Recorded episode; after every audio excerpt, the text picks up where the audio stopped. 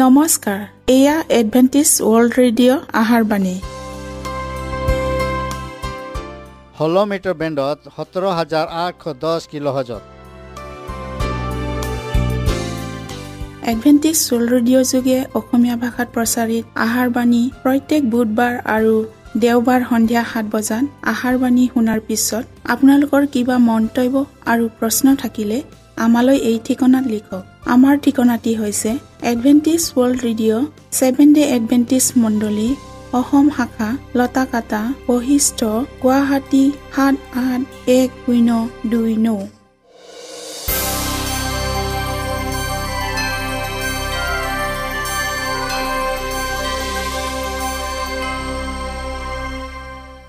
প্ৰিয় শ্ৰোতা বন্ধুসকল এতিয়া শুনো আহক এটি খ্ৰীষ্টীয় ধৰ্মীয় গীত।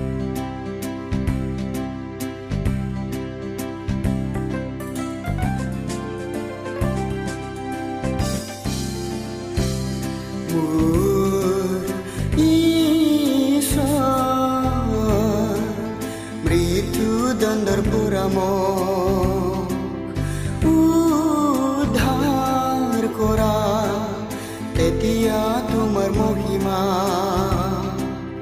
উৎসৰে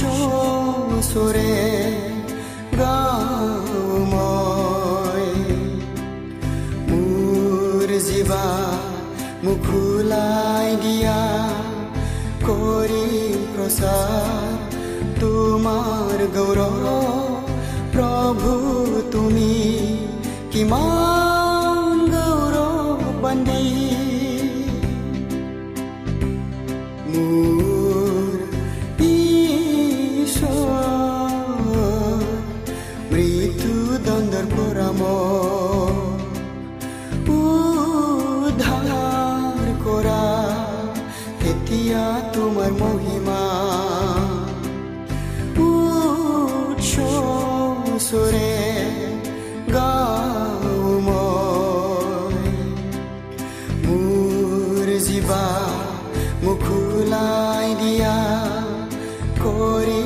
প্ৰচাৰ তোমাৰ গৌৰৱ প্ৰভু তুমি কিমান গৌৰৱ বান্ধি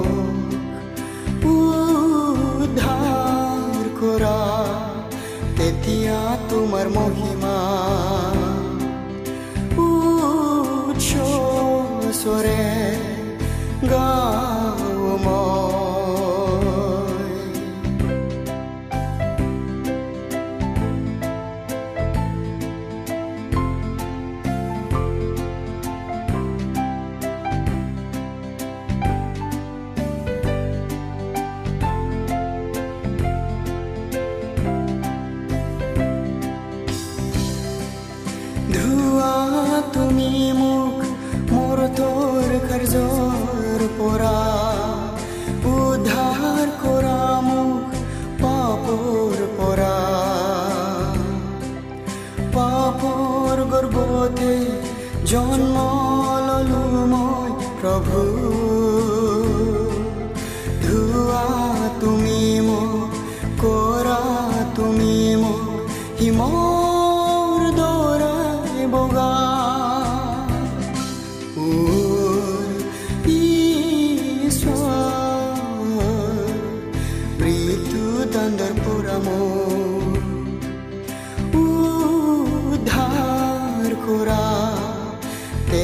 তেতিয়া তোমাৰ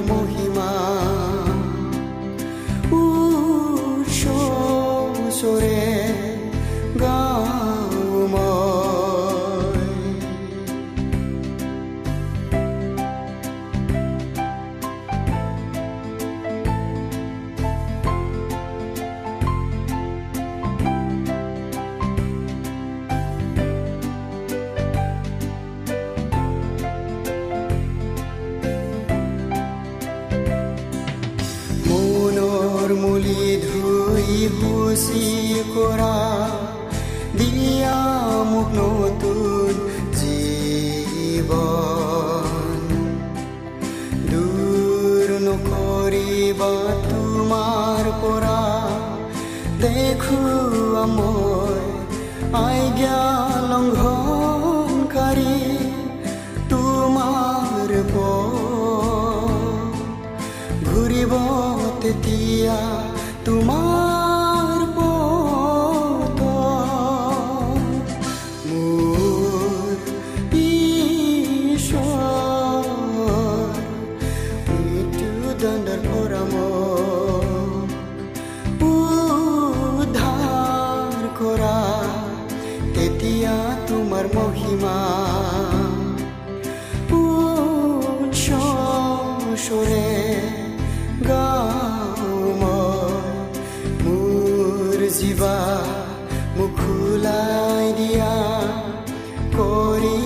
কৰিম প্ৰচাৰ তোমাৰ গৌৰৱ প্ৰভু তুমি কিমান গৌৰৱ বান্ধি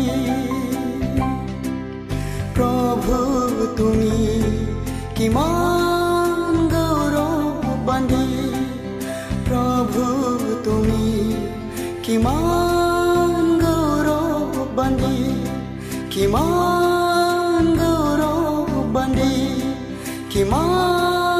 গৌৰৱ বান্ধি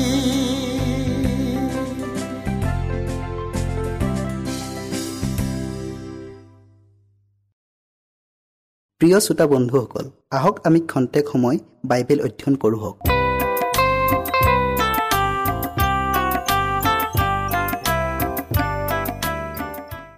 প্ৰিয় শ্ৰোতাসকল আজি আমি যোৱা অনুষ্ঠানৰ ছয়টানৰ ফান ইয়াৰ বাকী অংশটো আকৌ অধ্যয়ন কৰোঁ হওক।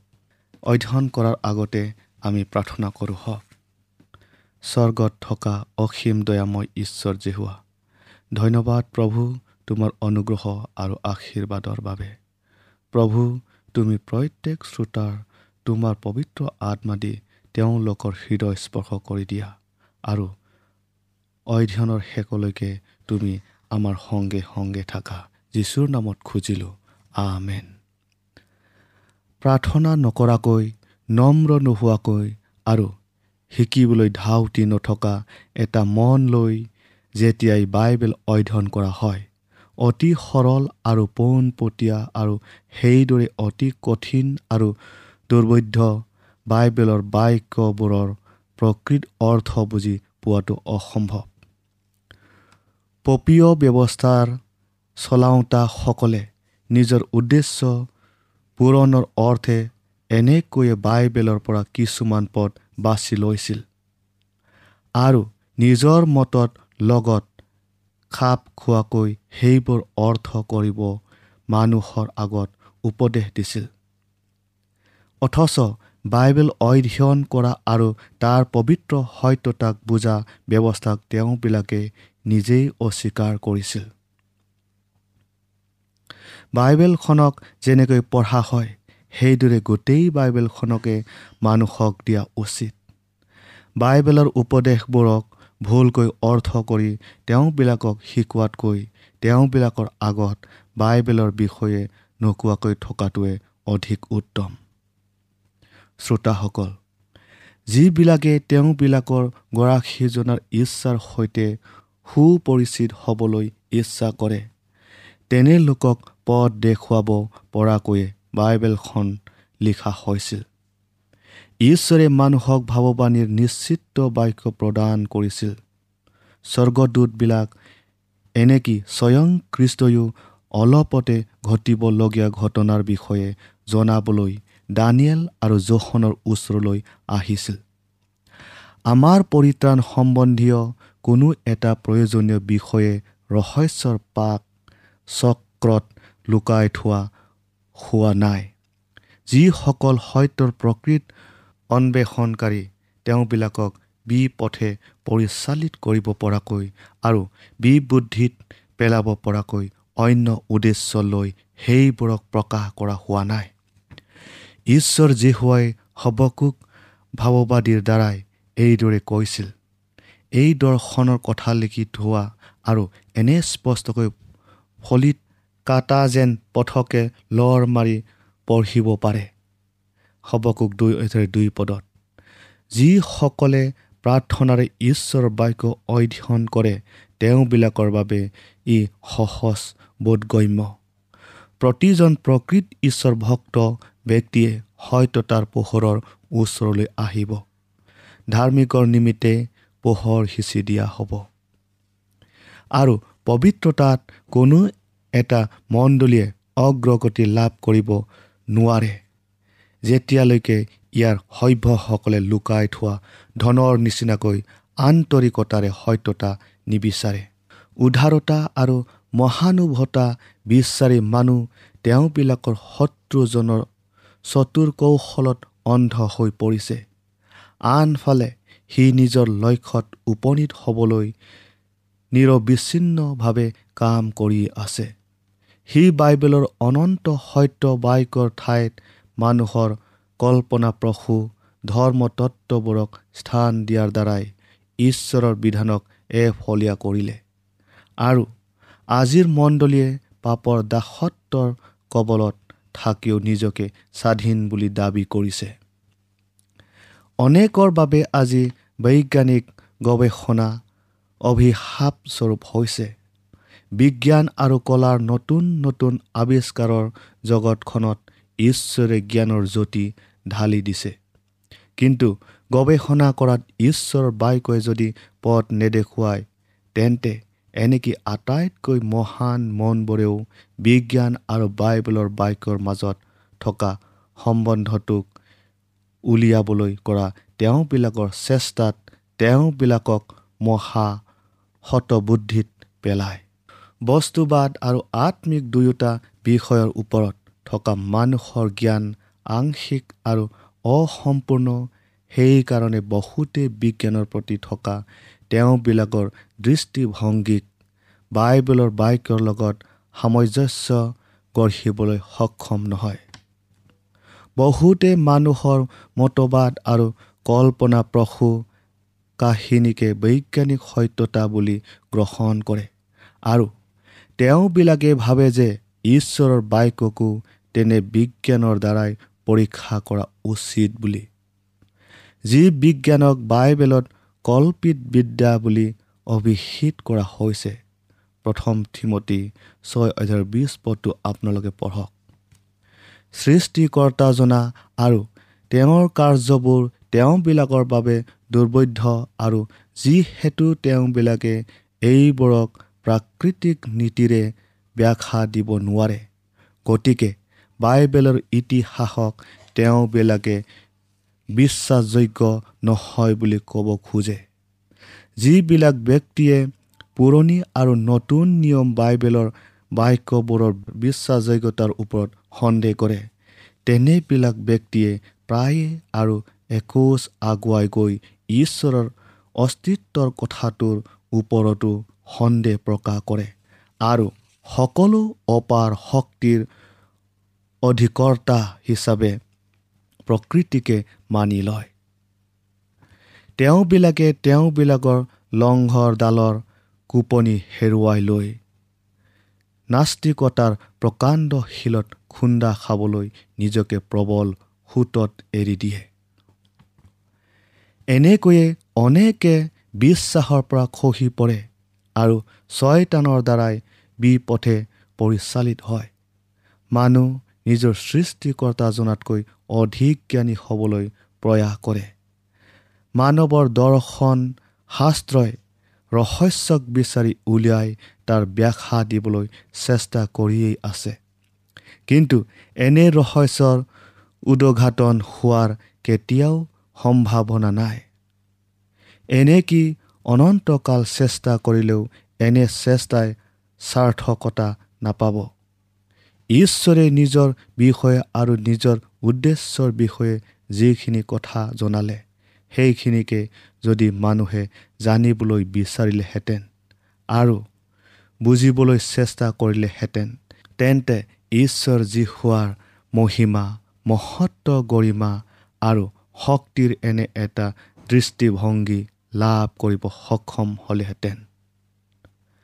যাৰ বাবে তেওঁবিলাকে নিজৰ অল্পতাক বা সীমাবদ্ধতাক উপলব্ধি কৰিব পাৰিলেহেঁতেন আৰু তেওঁবিলাকৰ নিজৰ বাবে আৰু তেওঁবিলাকৰ সতি সন্ততিসকলৰ বাবে যিবোৰ প্ৰকাশ কৰা হ'ল তাতে সন্তুষ্ট থাকিলেহেঁতেন।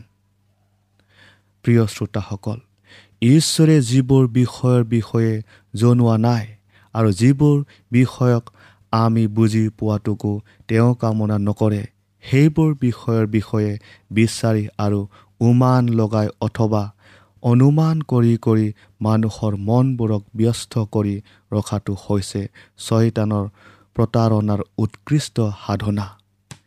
এনে এটা কাৰণতে লুচিফাৰে স্বৰ্গত থকা তাৰ পদটোক হেৰুৱাবলগীয়া হৈছিল। সি অসন্তুষ্ট হৈ পৰিছিল কাৰণ ঈশ্বৰৰ উদ্দেশ্যৰ সকলোবোৰ গোপনীয়তা তাক জনোৱা হোৱা নাছিল আৰু আনফালে তাৰ ইমান দায়িত্বপূৰ্ণ পদ এটাত সি কৰিবলগীয়া কামৰ বিষয়ে যিখিনি কথা তাক জনোৱা হৈছিল তাৰ প্ৰতি সি বেপৰুৱা মনোভাৱ প্ৰদৰ্শন কৰিছিল। তাৰ আদেশৰ অধীনত থকা স্বৰ্গদূতবিলাকৰ মাজত সি সেই একে অসন্তুষ্টিৰ ভাৱ জগাই তোলাৰ দ্বাৰাই সি সিহঁতকো পতন ঘটাইছিল। এতিয়া সি সেই একে আত্মাৰে মানুহৰ মনবোৰক প্ৰৰোচিত কৰিব বিচাৰিছে আৰু ঈশ্বৰৰ প্ৰত্যক্ষ আজ্ঞা অৰ্থাৎ বিধানক অৱজ্ঞা কৰাৰ এটা অৱস্থালৈকো তেওঁবিলাকক চলাই নিবলৈ বিচাৰিছে।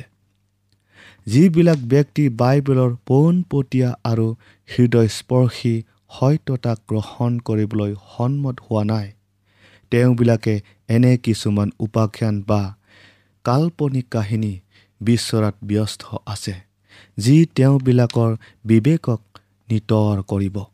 সেই ধৰ্মত্ববোৰত য'ত আত্মিক আত্মত্যাগ আৰু নম্ৰতা কমকৈ থাকে তেনেবোৰ ধৰ্মত্বক তেওঁবিলাকে সহজে গ্ৰহণ কৰি লয়।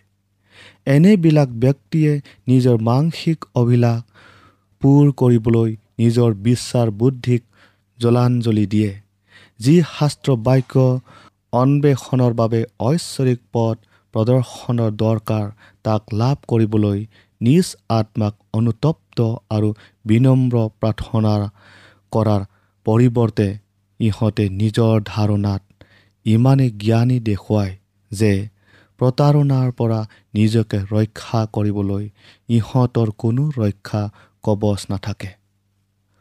অন্তৰৰ আটাই অবিলাস পূৰণ কৰিবলৈ ছয়তান সদায় সাজু হৈ থাকে আৰু সি সদায় সত্যৰ সলনি মিছা কথাকে কয়। এইটো কাৰণতে মানুহৰ মনত অধিকাৰ চলাবলৈ পপীয় ব্যৱস্থাই শক্তি পাইছিল আৰু সত্যতাত ক্ৰুচ থকাৰ কাৰণে ইয়াক প্ৰত্যাখ্যান দ্বাৰাই প্ৰটেষ্টানসকলে সেই একে পথকে অনুসৰণ কৰিছে। জগতৰ লগত মত পাৰ্থক্য নাৰাখিবলৈ যিবিলাক ব্যক্তিয়ে কেয়াল খুচি মতে আৰু সুবিধা অনুযায়ী নিজে ভাল পোৱা বিষয়বোৰক অধ্যয়ন কৰিবলৈ ঈশ্বৰৰ বাক্যক অৱজ্ঞা কৰে তেনেবিলাক ব্যক্তিয়ে ধৰ্মীয় সত্যতাৰ ঠাইত ঘোৰ বিৰোধী দুষ্ট মন এটাহে লাভ কৰিব। যিসকলে ইচ্ছাকৃতভাৱে সত্যতাক প্ৰত্যাখ্যান কৰে তেনেবিলাক ব্যক্তিৰ প্ৰত্যেকে মিত্ৰাবাদৰ নানা প্ৰকাৰ কল্পনীয় বিদ্যা গ্ৰহণ কৰিব।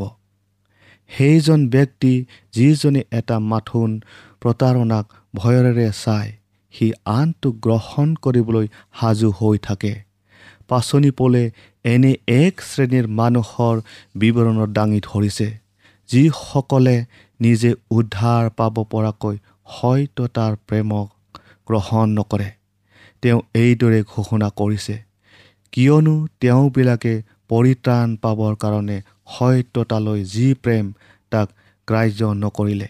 আৰু সেইকাৰণেই যিবোৰে সত্যতাৰ বিশ্বাস নকৰিলে অধৰ্মতে সন্তুষ্ট হ'ল।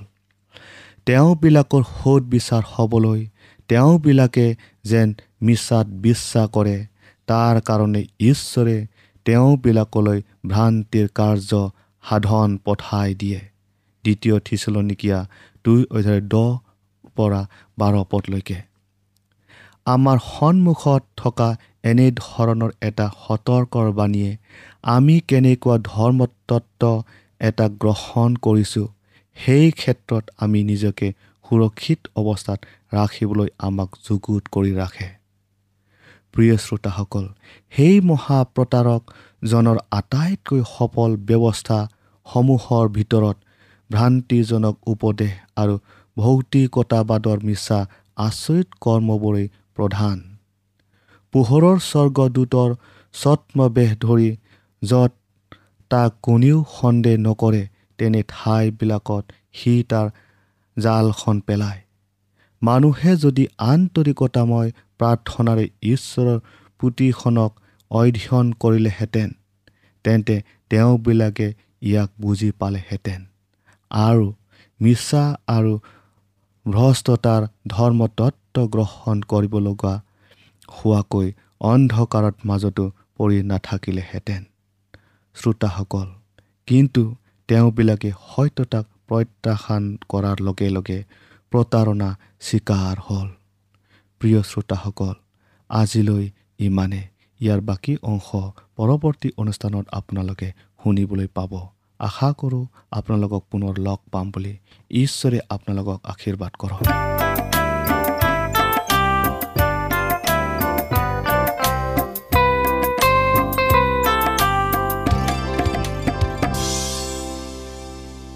ইমানপৰে আমি বাইবেল অধ্যয়ন কৰিলোঁ। এতিয়া আকৌ শুনো আহক এটি খ্ৰীষ্টীয় ধৰ্মীয় গীত।